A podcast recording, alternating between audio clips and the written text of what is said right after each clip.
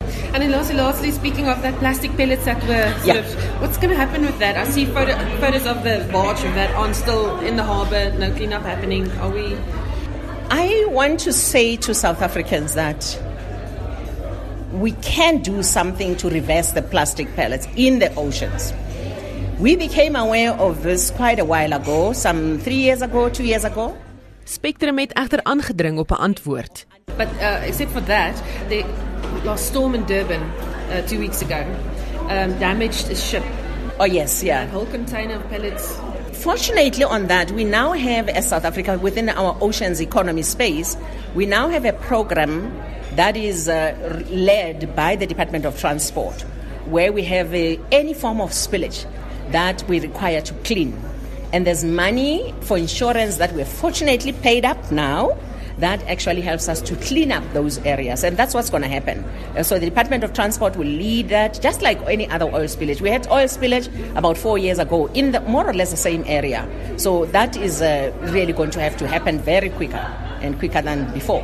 Kenners meen dat die plastiekbesoedelingsramp wat ontvou in KwaZulu-Natal net so groot of dalk groter kan wees as die olieramp 4 jaar gelede in dieselfde gebied.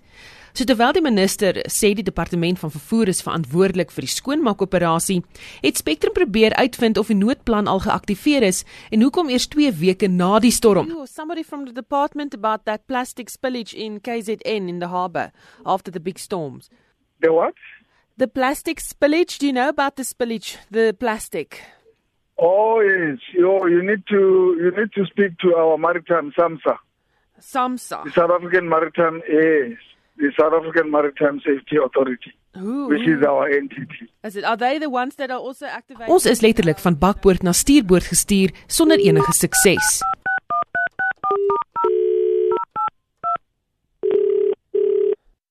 Sounds like a day, Colin speaking. Hi, Kalani. Suzanne Paxton here from SABC Radio News, your media office. And Sorry? who is in your media office? Your media spokesperson? And can I Please speak hold to on. him or her? Thank Intussen het Ushaka, die akwarium in Durban en ander instansies in die gebied 'n strand skoonmaak sessie gereël vir die komende naweek. Joan Potter, die direkteur opvoedkunde by Ushaka, het vroeër die week aan Spectrum gesê die publiek moet nou handby sit om die ramp te keer.